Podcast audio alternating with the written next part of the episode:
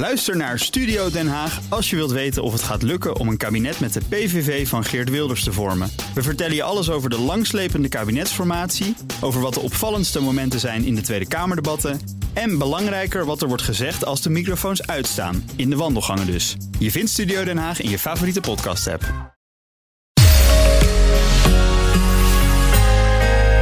Er zijn in ons land nu meer vacatures dan werklozen. Dat is voor het eerst sinds het CBS deze cijfers vergelijkt en daar begonnen ze in 2003 mee.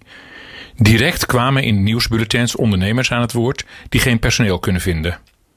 Ik zal de laatste zijn om de problemen van die ondernemers te bagatelliseren. En ik begrijp dat personeelstekorten een rem kunnen zetten op de omzet van bedrijven. Als de NOW afloopt, zullen er wel mensen beschikbaar komen, maar niemand weet natuurlijk hoeveel en bovendien is dat eenmalig. Ik zie niet in wat beleidsmakers tegen die overspannen arbeidsmarkt kunnen doen. Ja, door lastenverzwaringen kunnen ze de economische groei afremmen, maar dat wil niemand. Wennen dus maar aan, die gespannen arbeidsmarkt.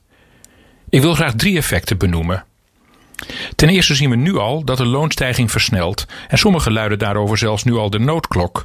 Dat lijkt mij wel heel erg vroeg.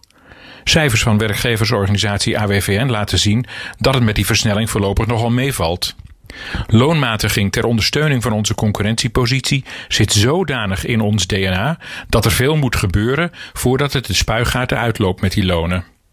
En in 2017 betoogde premier Rutte al dat de lonen toen wat harder moesten stijgen om iedereen te laten meedelen in de economische groei.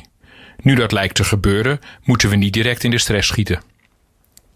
Ten tweede zullen bedrijven die geen personeel kunnen vinden moeten investeren in arbeidsbesparende technologie. Ik begrijp dat dat niet overal kan, maar voor de economie als geheel lijkt het mij niet verkeerd. Om een derde effect te benoemen, maak ik een uitstapje naar de VS.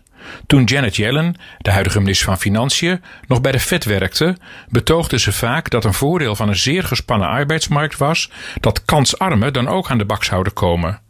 Het werd een interessant beleidsexperiment en de ontwikkelingen van voor de pandemie bevestigen dat Yellen gelijk had. Aangezien wij nagenoeg zeker voorlopig te maken hebben met een gespannen arbeidsmarkt, worden we, of we nu willen of niet, in een vergelijkbaar experiment gestort. Hopelijk zullen kansarmen ook bij ons nu beter banen kunnen vinden. In de berichtgeving over de CBS-cijfers deze week is aan de aandacht ontsnapt dat het aantal langdurig werklozen juist was gestegen in het tweede kwartaal. Het zou mooi zijn als de gespannen arbeidsmarkt die trend gaat keren.